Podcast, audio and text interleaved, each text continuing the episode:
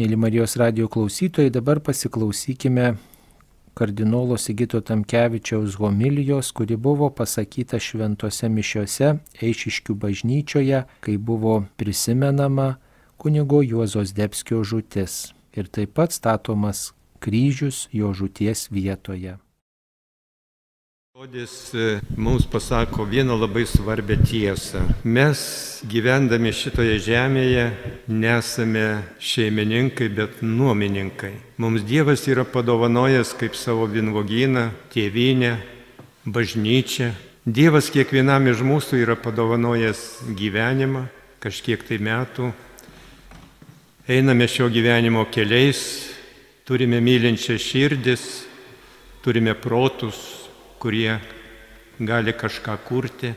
Ir būtų bėda, jeigu visą tai, ką Dievas mums yra išnuomavęs, padovanojęs, mes laikytume, kad, kad tai mūsų nuosavybė ir galime elgtis kaip norim.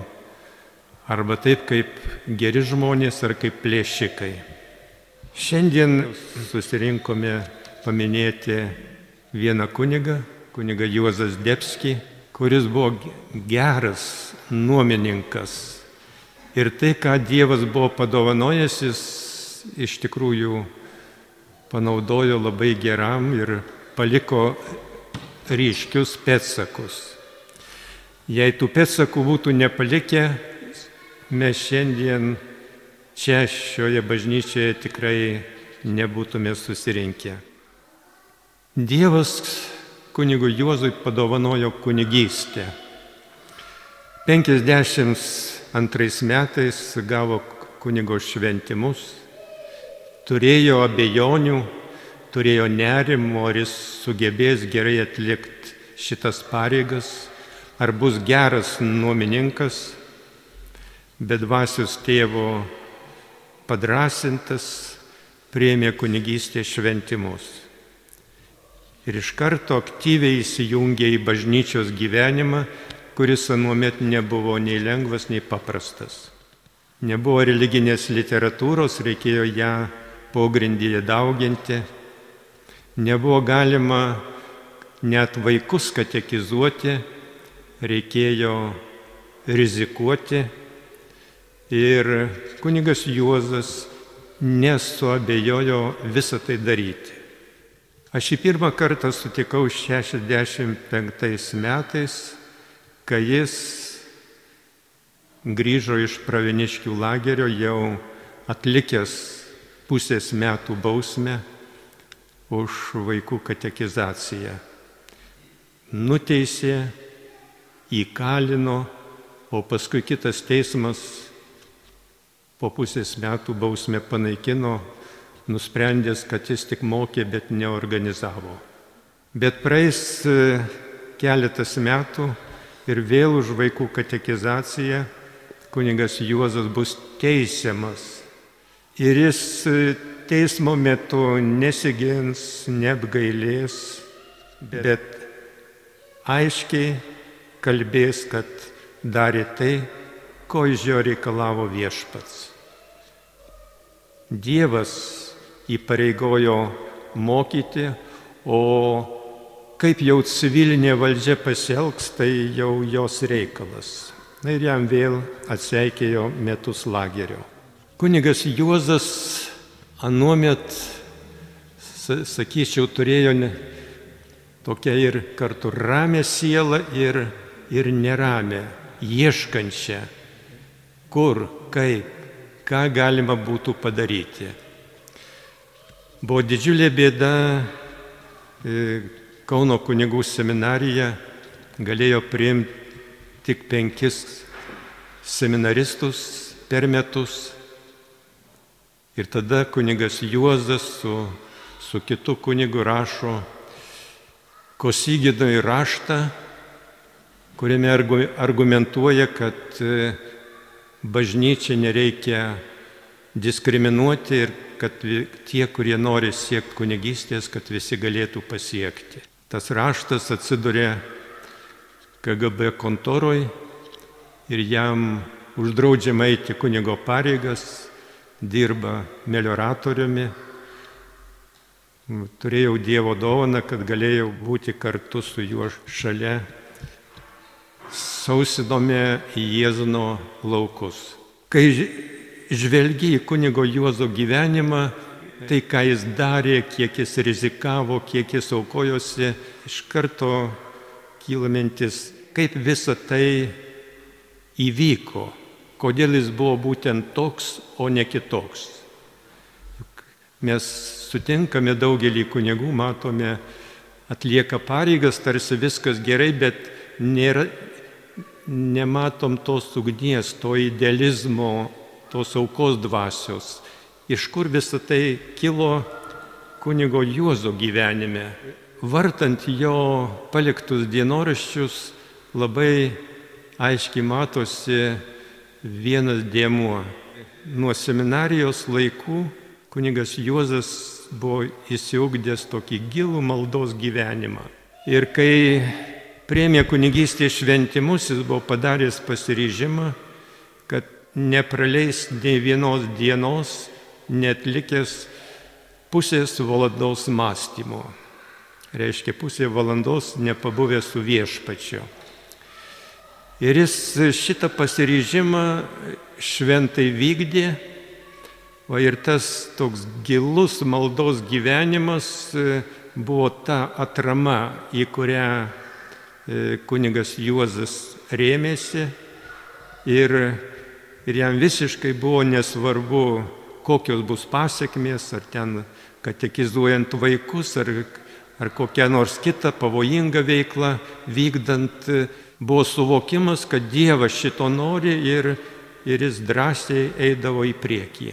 O tokio gražaus maldos gyvenimo, manau, iš kunigo Juozo mes visi galėtume mokytis ir mokytis. Kunigas Juozas nebuvo vienuolis, nepriklausė jokiam vienuolio ordenui, bet e, jo gyvenime ta tokia vienuoliška dvasia tai buvo, man atrodo, gilesnė už daugelio ir vienuolių. Darydavo privačius neturto įžadus. Esu pats buvęs tų įžadų liudininku. Ir kai jis e, mirė per, per jo laidotuvės Rudominos klebonijoje, dekanas, dekano pareiga peržiūrėti visus e, mirusio kunigo pinigus, ten nerado jokių pinigų ir stalo stalčiuose rado krūvelę akmenėlių parsivežtų kažkur iš, iš Sibiro, iš Kazakstano. Eidamas e, kunigo pareigas, kur buvo e, vyskupo skiriamas, e, tais laikais tokių kunigų kaip kunigas Juozas į didelės parapijas nepaskirdavo, į mažas kaimo parapijas, tai turėjo galimybę šalia patarnavimo tikintiesiems dar, dar atlikti ir daug kitų gražių darbų. Ir kunigas Juozas aplankydavo tikinčiuosius ir Pavolgį, ir Sibirė, Kazakstane, Gruzijoje, Armenijoje. Kai 78 metais e, Lietuvoje susikūrė katalikų komitetas tikinčiųjų teisėms ginti ir kai kunigu Juozui buvo pasiūlyta, gal, gal norėtų įsijungti į tą veiklą, kuri buvo pakankamai pavojinga, rizikinga, nebejodamas e, į komiteto veiklą įsijungė, pasirašė daugelį dokumentų įvairiais aktualiais bažnyčiai klausimais. Ir mes visi, kurie buvom šalia, matydami jo pavyzdį galėjome irgi mokytis ir, ir drąsos, ir aukos dvasios. Tais laikais e, tokių kunigų kaip e, Zdebskio tarnystė buvo net siejama nuo KGB persekiojimų, buvo sekamas, buvo daromos visokios neoficialios kratos. Vienu laiku apie jį buvo būrys agentų, net sunku patikėti, apie 115.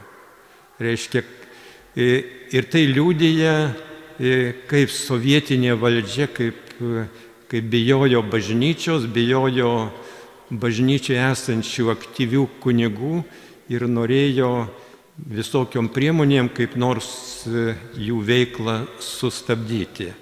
Nebuvo atsitiktinis e, jų darbas, kai e, lygiai prieš 40 metų, panaudojant specialias priemonės, buvo sunkiai apdegintas, tiesiog išvestas iš reikiuotės ir saugumo pareigūnų buvo aiškus noras, kad taip apdeginus, kad gydytojai paskelbtų, kad jis e, susirgęs e, venerinė lyga, tik draugų išgelbėtas ir gerų gydytojų priežiūroje pasveikęs e, vėl galėjo sugrįžti į tarnystę. Kunigo Juozo gyvenime buvo labai, labai toks ryškus pamaldumas į švenčiausią mergelę Mariją.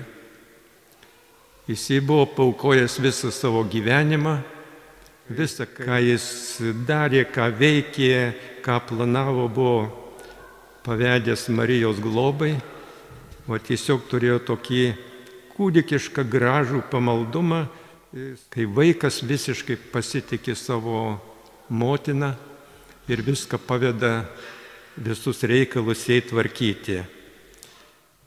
Tokio gražaus pamaldumo į, į, į Mariją, manau, mes, mes visi ir dabarties dvasiškiai, ir vyskupai, ir kunigai galėtume mokytis ir mokytis. Pačioje jo, jo gyvenimo pabaigoje 1986 metais o yra išlikusi KGB pažyma kaip kaip reikia šitą kunigą kompromituoti tik tikinčių akise. Taigi ir ta pažyma išlikus tik vieną dieną iki jo žūties. Galima būtų daug kalbėti apie kunigo Juozo gyvenimą, bet vienas kitas paminėtas e, mano atvejais išliūdėje, iš tikrųjų, koks gražus gali būti kunigo gyvenimas ir koks vaisingas kunigo gyvenimas, kada, kada jis sugeba užmiršti save, savo asmeninius reikalus ir visą save pašvenčia viešpaties tarnystėje. Šiandien prisimendami kunigą Juozą, melskimės, kad mūsų vad, dabarties ir, ir vyskupai, ir, ir kunigai visi, visi va, turėtų tos aukos dvasios, kad labai brangintų maldos gyvenimą, kad labai brangintų tuos kryžius ir kryželius, kuriuos viešpats mums kartais padovanoja. Kunigas Juozas labai brangino e, tuos gyvenimo momentus, kai jis, kai jis dėl ko nors kentėdavo, kai kai išgyvendavo kokį nors pažeminimą, visą tai jis skirdavo kaip, kaip auka už, už tuos žmonės, kuriems jis tarnavo. Jei mes nebūtume turėję panašių kunigų, bažnyčiaus nuostoliai sovietmečių būtų buvę žymiai didesni, tragiškesni. Ir tuo momentu, kai, kai sovietiniai valdžiai KGB pareigūnams net pasisekdavo kai kuriuos kunigus užverbuoti ir tokiu būdu paralyžuoti jų kunigišką tarnystę. Panašus kunigai, kai kunigas Juozas buvo tarsi išpirkimo auka, kur, kur atsvėrė visą tai, kas bažnyčiai buvo suparaližuota ir daug pasitarnavo, kad ir bažnyčia išlaikytų šviesų veidą ir kad laisvės dvasia tautoje išliktų gyva.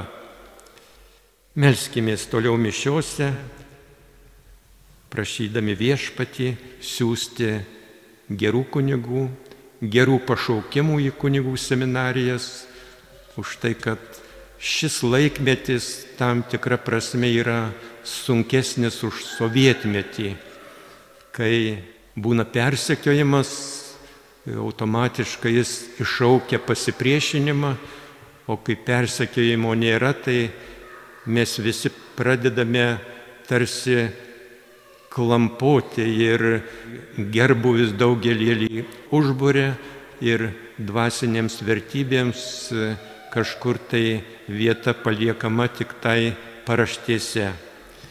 Melskimės, kad, kad Dievas siūstų gerų kunigų bažnyčiai ir Lietuvai. Kunigai Gintas ir Vytautas Sakavičiai, broliai, prisimena kuniga Juozas Debski, kai dar jie buvo patarnautojai ir patarnavo šventose mišiuose, kurias aukojo kunigas Juozas Debskis. Jis Dievo šviesą priemė į savo širdį ir ją perdavė daugeliui. Jo ištikimybę Evangelijai paliudijo daugelis žmonių, jame mačiusių tikrą Dievo žmogų. Jis sakydavo, vaikeliams reikia Dievą parodyti. Jei mes to darbo nedarysime, mus istorija pasmerks. Padarykime regimą tą meilę, kurią Dievas mus myli. Nebijokime daryti gerą. Jis rūpinosi mažutėliais, ligoniais, seneliais, netgi pakelėje gulinčiais girtuokliais. Kunigui rūpėjo žmonių sielos. Zdebskis matė Dievo žymę kiekviename žmoguje. Daugelį kartų asmeniškai pats tuo įsitikinau. Pirmas mūsų susitikimas su kunigu buvo, kai jis sustojo pavežti mane, brolį, bei tėtį nors mes nestabdėme, mes jo dar nepažinojome. Pasibaigus renginiams, namo veždavo nuo durų iki durų. Mes paaugliai, jausdamiesi esą ypatingi, sąmoningai naudodavomės kunigo širdies gerumu, ne tik į namus, bet ir į Euharistijos bičiulių susitikimus vežė, lankė sovietinėje kariuomenėje. Zdebskis dažnai kartodavęs Jėzaus žodžius, jei mes tylėsime akmenį šauks. Apvaizdos veikime pralaimėjimai mums tampa laimėjimais. Taip kaip ir viešpaties kančioje, didžiausias atrodytų pralaimėjimas buvo kaip tik jo didžiausias laimėjimas. Jo ir mūsų. Taip būna su kiekvienu mūsų skausmu. Bet kad ateitų Velykų rytas po kančios, turi būti išgyventa didžiojo penktadienio tamsa, rašė dvasininkas. Pereik per gyvenimą tyliai, darydamas gerą, tyliai lengvindamas kitų dalę tyliai vykdydamas Dievo valią, tyliai artindamas sielas prie Dievo, tyliai neždamas su Jėzumi kryžių. Kol Dievas laiko, tol visi esame. Todėl turime skubėti daryti gerą, turime skubėti mylėti. Meilė neturi turėti ribų.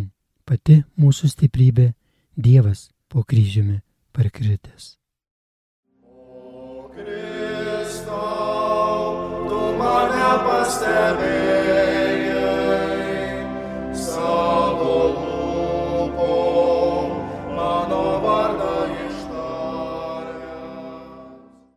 Kas labai charakteringa, jis visada kvepėjo viešpačiui ir tas kvapnumas sklido visur.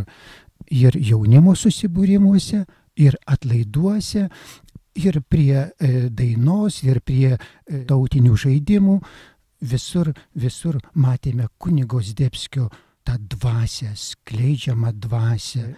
Ir labai charakteringa jis vertino kiekvieno žmogaus orumą. Mes buvom paaugliai ir jis mus griebė ir po atlaidų kviečia arbatai. Kada užsibūdavome ilgesnį laiką, jis sodina mus į savo žiguliuką ir veža nuo durų iki durų kad nepasiklystume, kad nenutiktų jokie dalykai, jo, jokios nelaimės, parveždavo į namus tekdavo patirti ir iš parapiečių pasakojimų ir kada bendraudavo, matydavome, jis gerbdavo ir netgi paklydusio žmogaus, netgi ir e, nusidėjusio žmogaus orumą.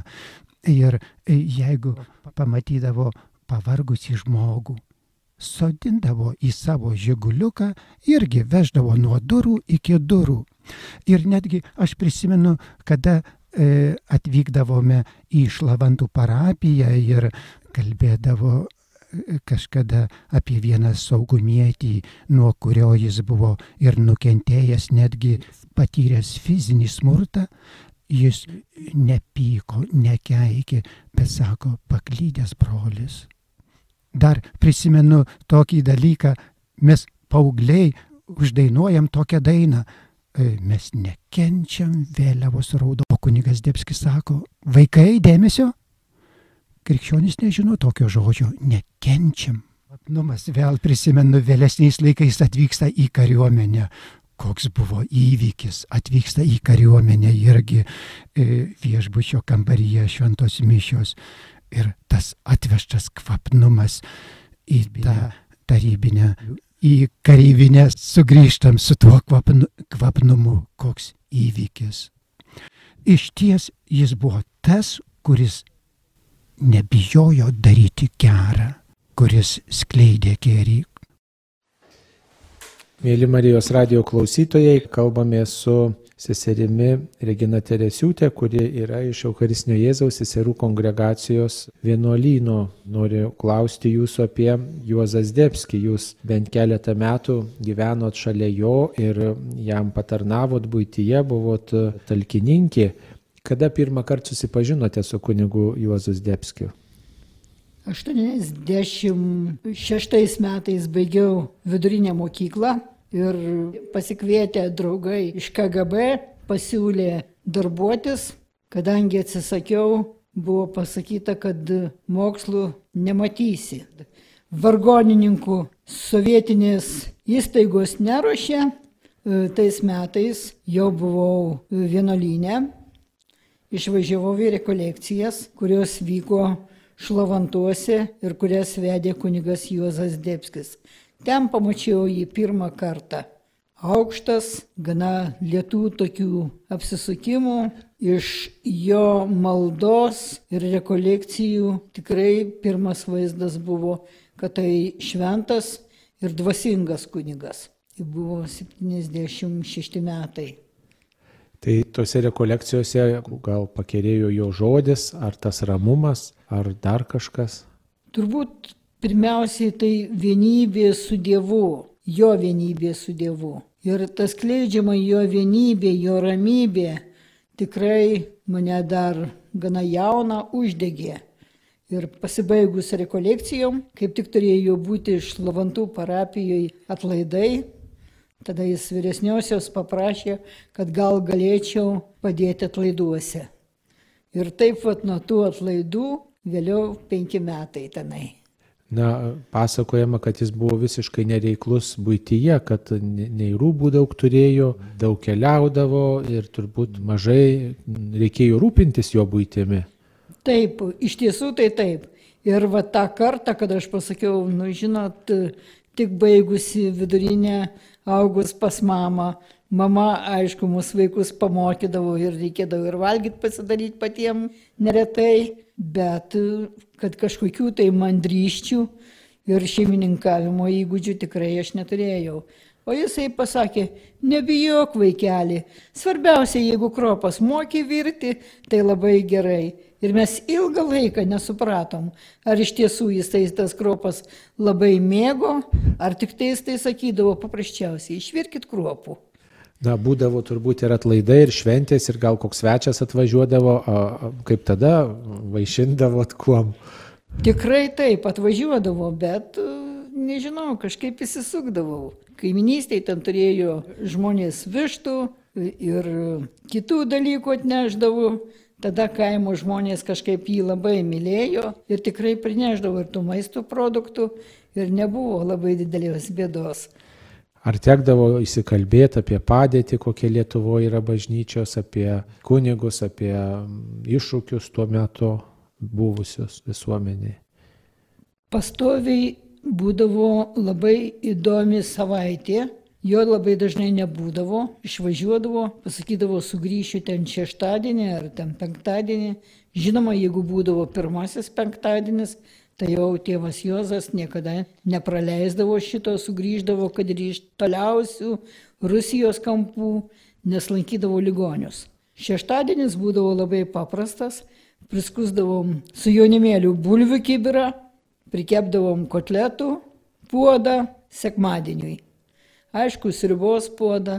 Ir sekmadienį labai dažnai sėsdavo prie stalo 20, net 30 žmonių ir dauguma jaunimo, kuris būdavo vietinis parapijos jaunimas, atvažiuodavo iš aplinkinių parapijų ir net iš Kauno, iš Vilniaus. Ir būdavo sekmadienį jau viskas paruošta susirenka pirmom šventom mišiom, tai 10 val. būdavo, vaikų mišios, vaikai patys gėdodavo, patarnaudavo mišiom, suma, per sumą daugiausiai mergaitės adoruodavo, berniukai patarnaudavo mišiom, o po sumos kunigas Dėpskis paskelbdavo dabar pietus ir linksmoji dalis - šokiai ir žaidimai.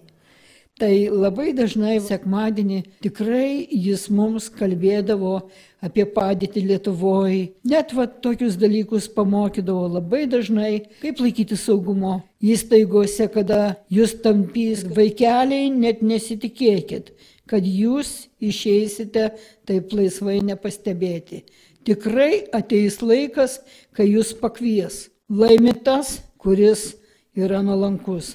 Laimi tas, kuris pasitikė Dievu. Laimi tas, kuris nepasitikė savo jėgomis. Pasitikėkit visuomet Dievu. Į klausimą atsakykit visuomet klausimu. Pagrindinė gynyba - polimas. Davė klausimą, klausimų ar negalima, o koks nusikaltimas, ką aš padariau blogo ir panašiai. Tai tikrai va tos problemos visos Lietuvos ir Lietuvos bažnyčios jam labai rūpėjo ir jis net rekolekcijų metu šitai kartodavo seserim, net vat išlikė tiesiog jo žodžiais. Seselės, jeigu norit, kad jūsų niekas nepastebėtų, išgerkit, užsirūkykit kaip visi, niekas jūsų net pažins. Ar buvo kokių nuotikių su juo stovyklaujant, rekolekcijose būnant? Tiesiog... O, labai dažnai.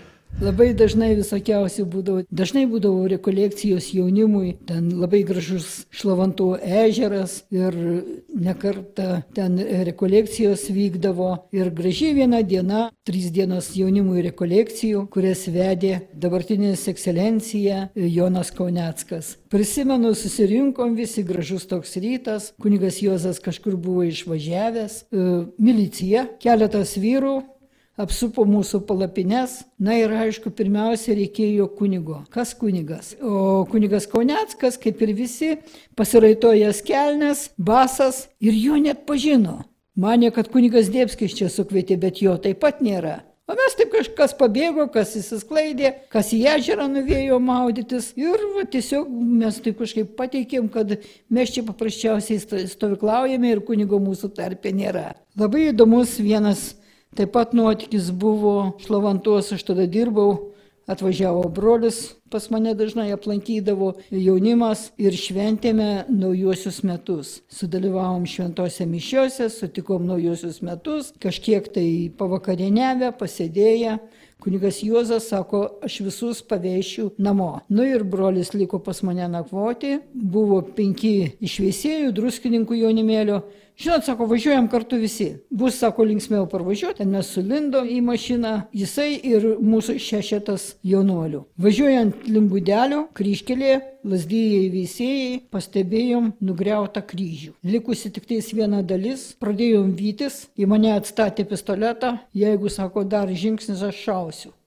Ir žinokit, tokiais atvejais pakyla kažkokia jėga ginti ginti kryžių, ginti tą jaunimėlį, šauk sakau. Ir pamačiau, kaip broli parvertė, pradėjo spardyti, labai smarkiai tada taip suspardė, striukė sudraskė ir iš mašinos iššokęs atbėga kunigas Juozas. Jisai taip, algi, ten vienas saugumėtis lasdyjų buvo. Kunigas ir abu du, mes sako, tik tais gynėm, jie vertė kryžių. Ir paskui jau jie ėmė bėgti, įsiskirstė Mes paėmė tą kryžių ant savo rankų, sulankstyta, jo viršūnė buvo nulaužta, e, geležinis kryžius, kunigas Dėpskis su mašina iš paskos, parlydėjo kalbėdami du kilometrus rožinį, sugrįžom į bažnyčią.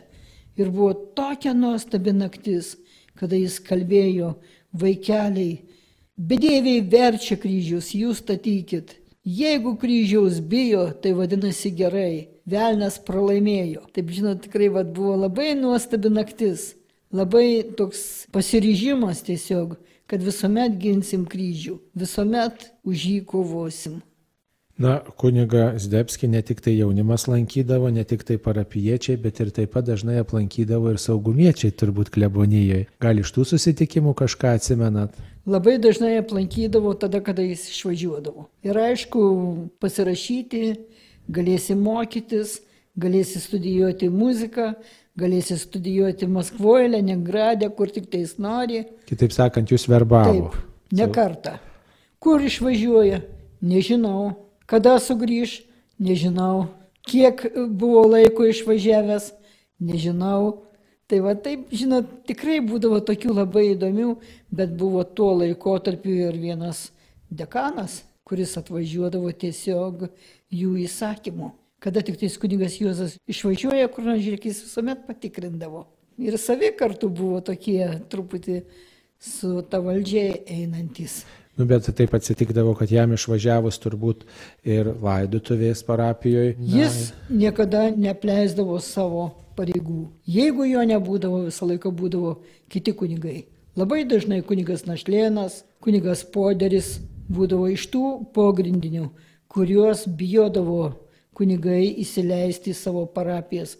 Visada būdavo kunigai ir pareigos būdavo atliekamos.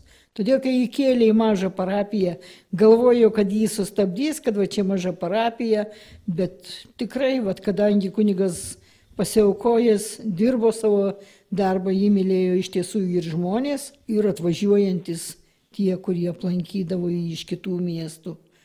Bet niekada nenukentėdavo, nėra buvę taip, kad sekmadienį ar vat, laidotuvės kokios nebūtų kunigo.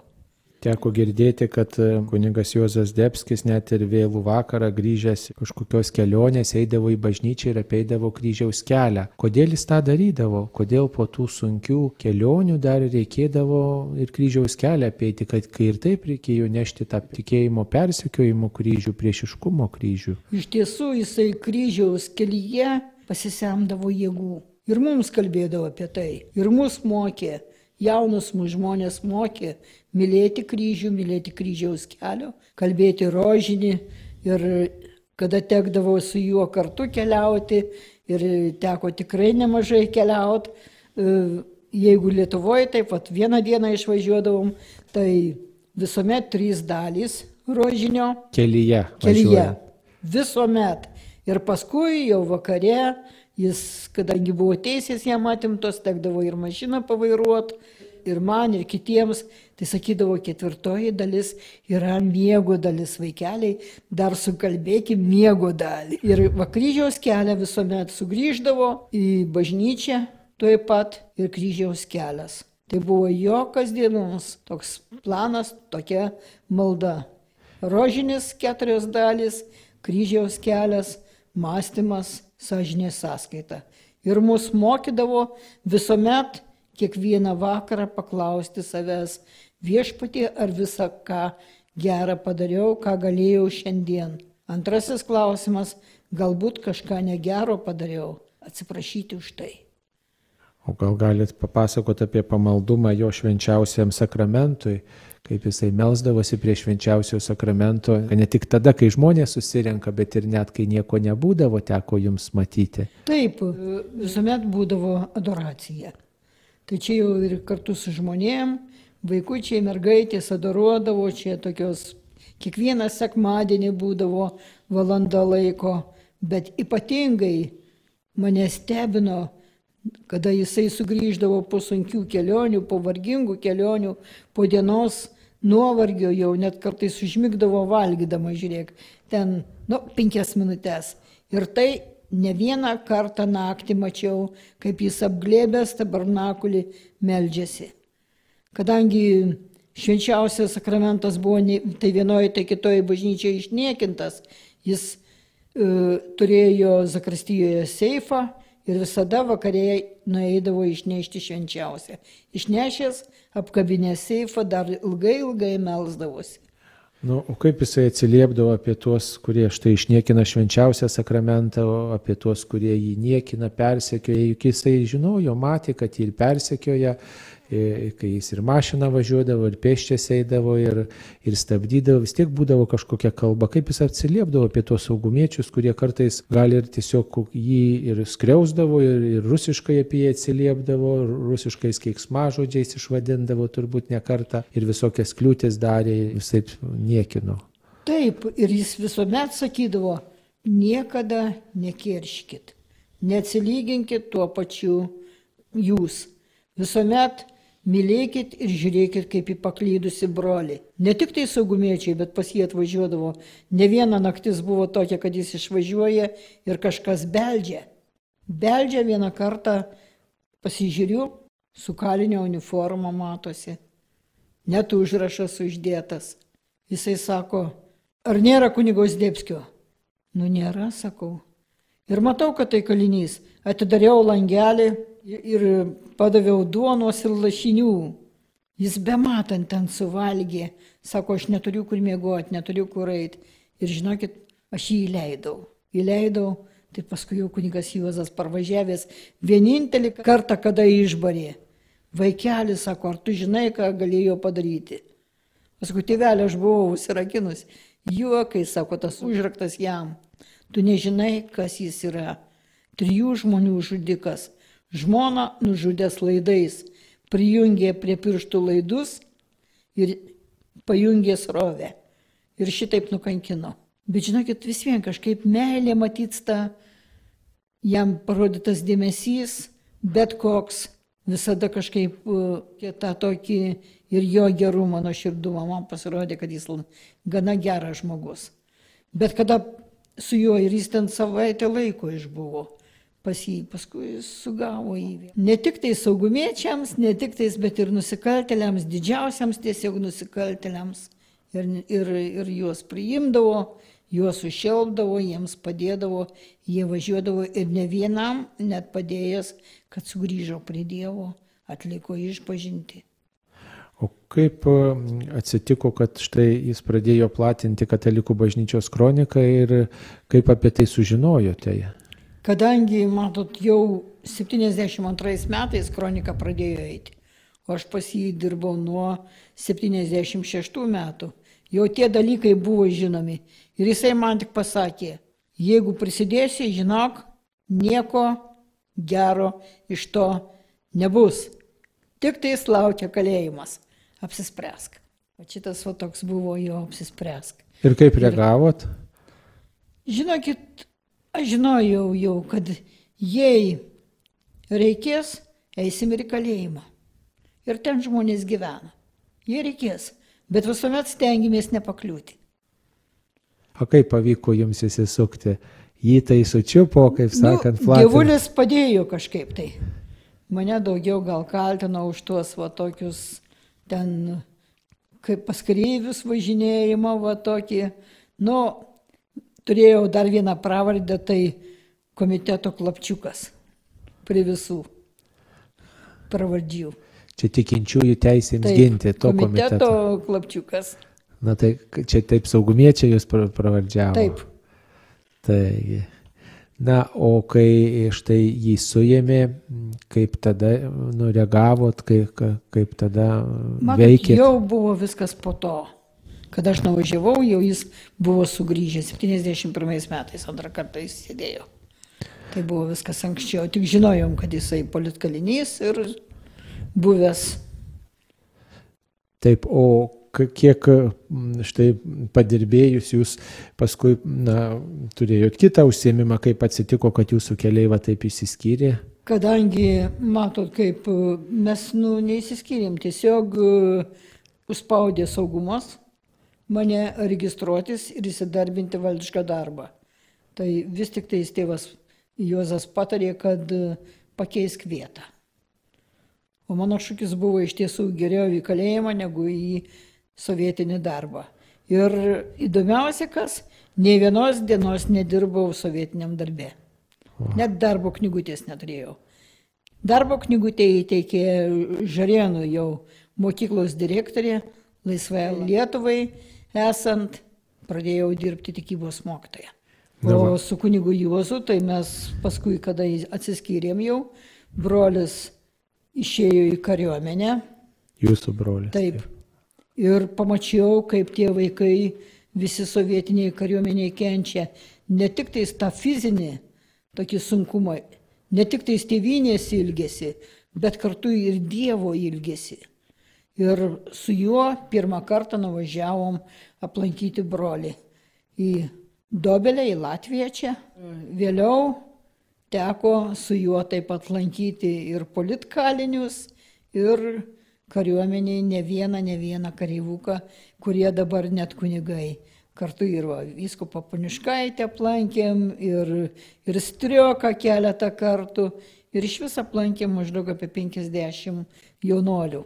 Lankydavau kariuomeniai būtent su kunigus Dėpskiu, o kada jisai žuvo, tuo kartu taip pat turėjom jau bilietus išvažiuoti į Rusiją, taip pat pas vieną jauną vyruką, kuris tarnavo sovietiniai kariuomeniai, tada jau kunigas Rokas Puzonas sakė, kunigos Dėpskio nebėra, važiuosiu vietoj jo aš.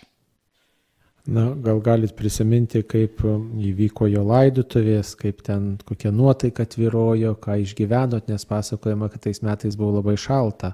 Taip, jis žuvo e, 86 metais vasario 5 dieną, agotos dieną, kada sužinojom, aišku, ypatingai jaunimas labai pergyveno visas, ruošimės laidotuvėms. Jaunimas važiavo mašinomis, aš taip pat va, tada turėjau mašiną ir stabdė, ir bandė teises atimti, e, ir numerius registravo, bet turbūt retos kunigo laidotuvės, kad būtų virš pusantro šimto kunigų, trys viskupai dalyvavo ir apie porą šimto jaunų žmonių su kamžomis, su tautiniais rūbais mergaitės, su vainikais, gėlėm, jo karstą buvo apsupę ir lydėjo į tą vietą, kur yra kapelis šventoriui.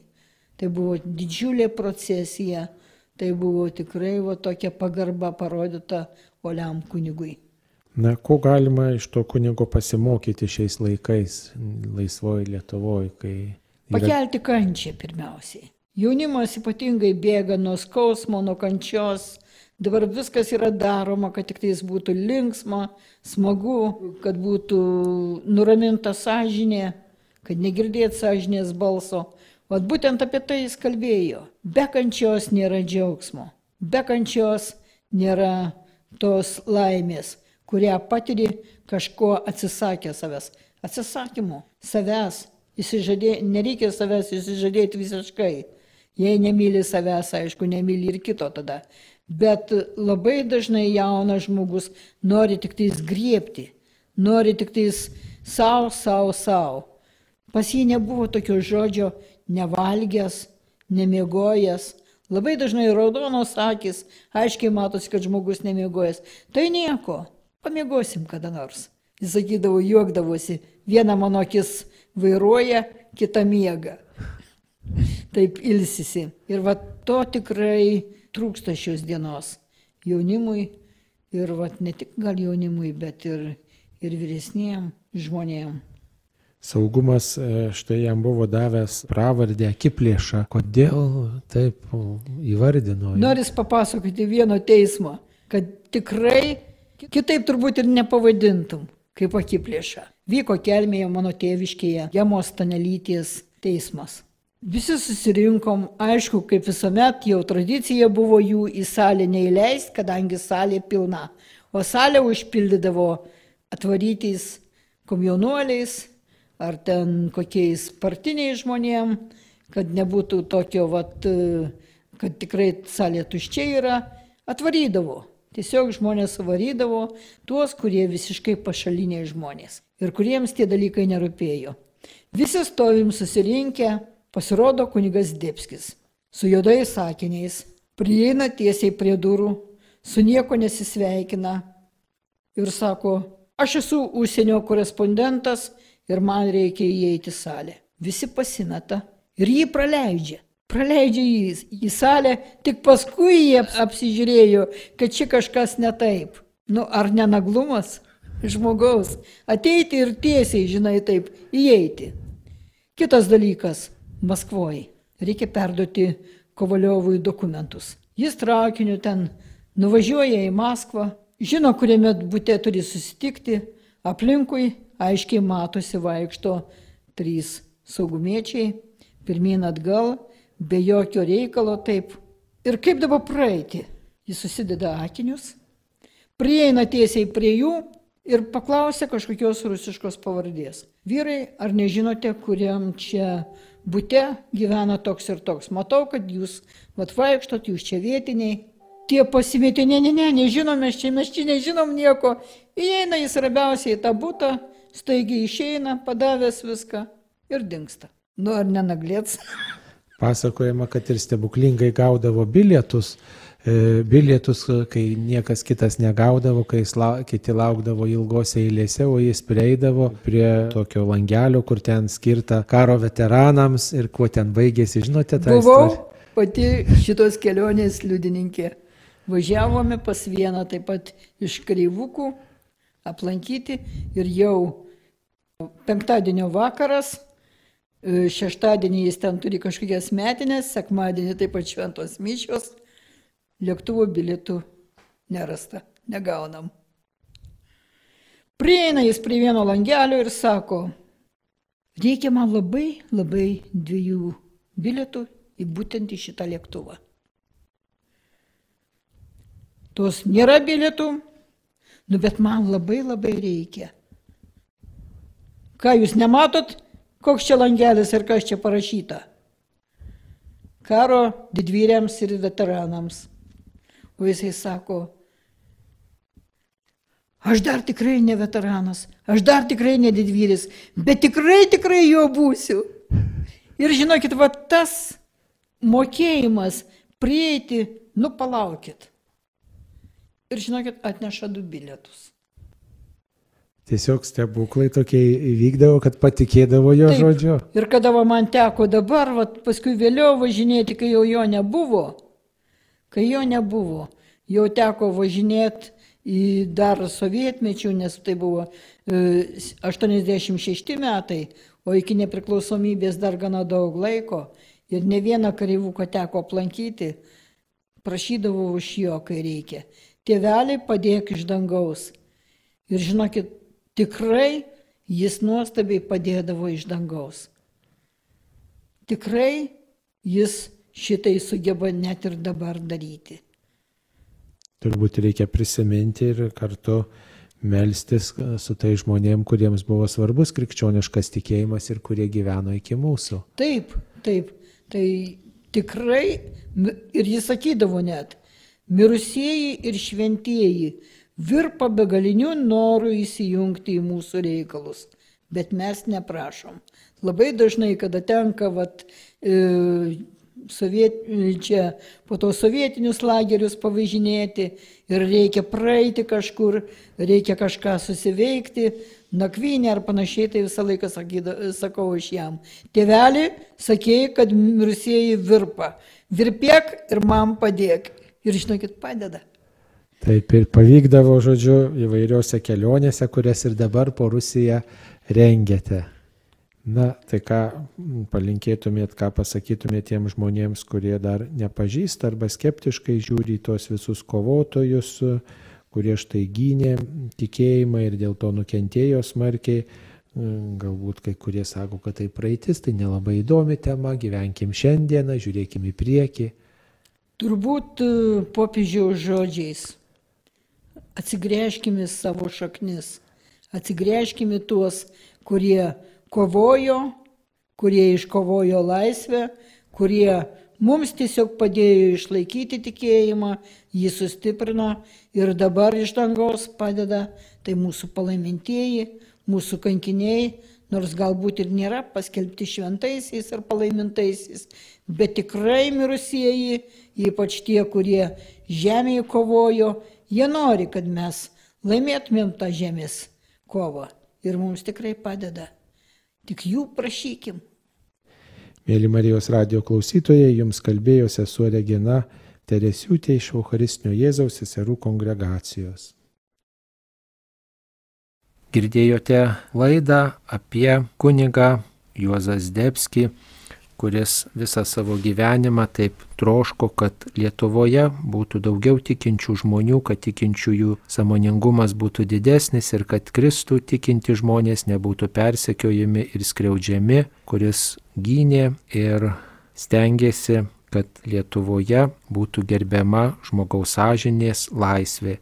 Tegul šitą nuostatą ginti tikėjimą, ginti mūsų tėvinės laisvę būna aktualūs ir svarbus ir šiais laikais. Dėkojame visiems dalyvavusiems, kurie savo prisiminimais dalyjosi apie kunigą Juozas Debski.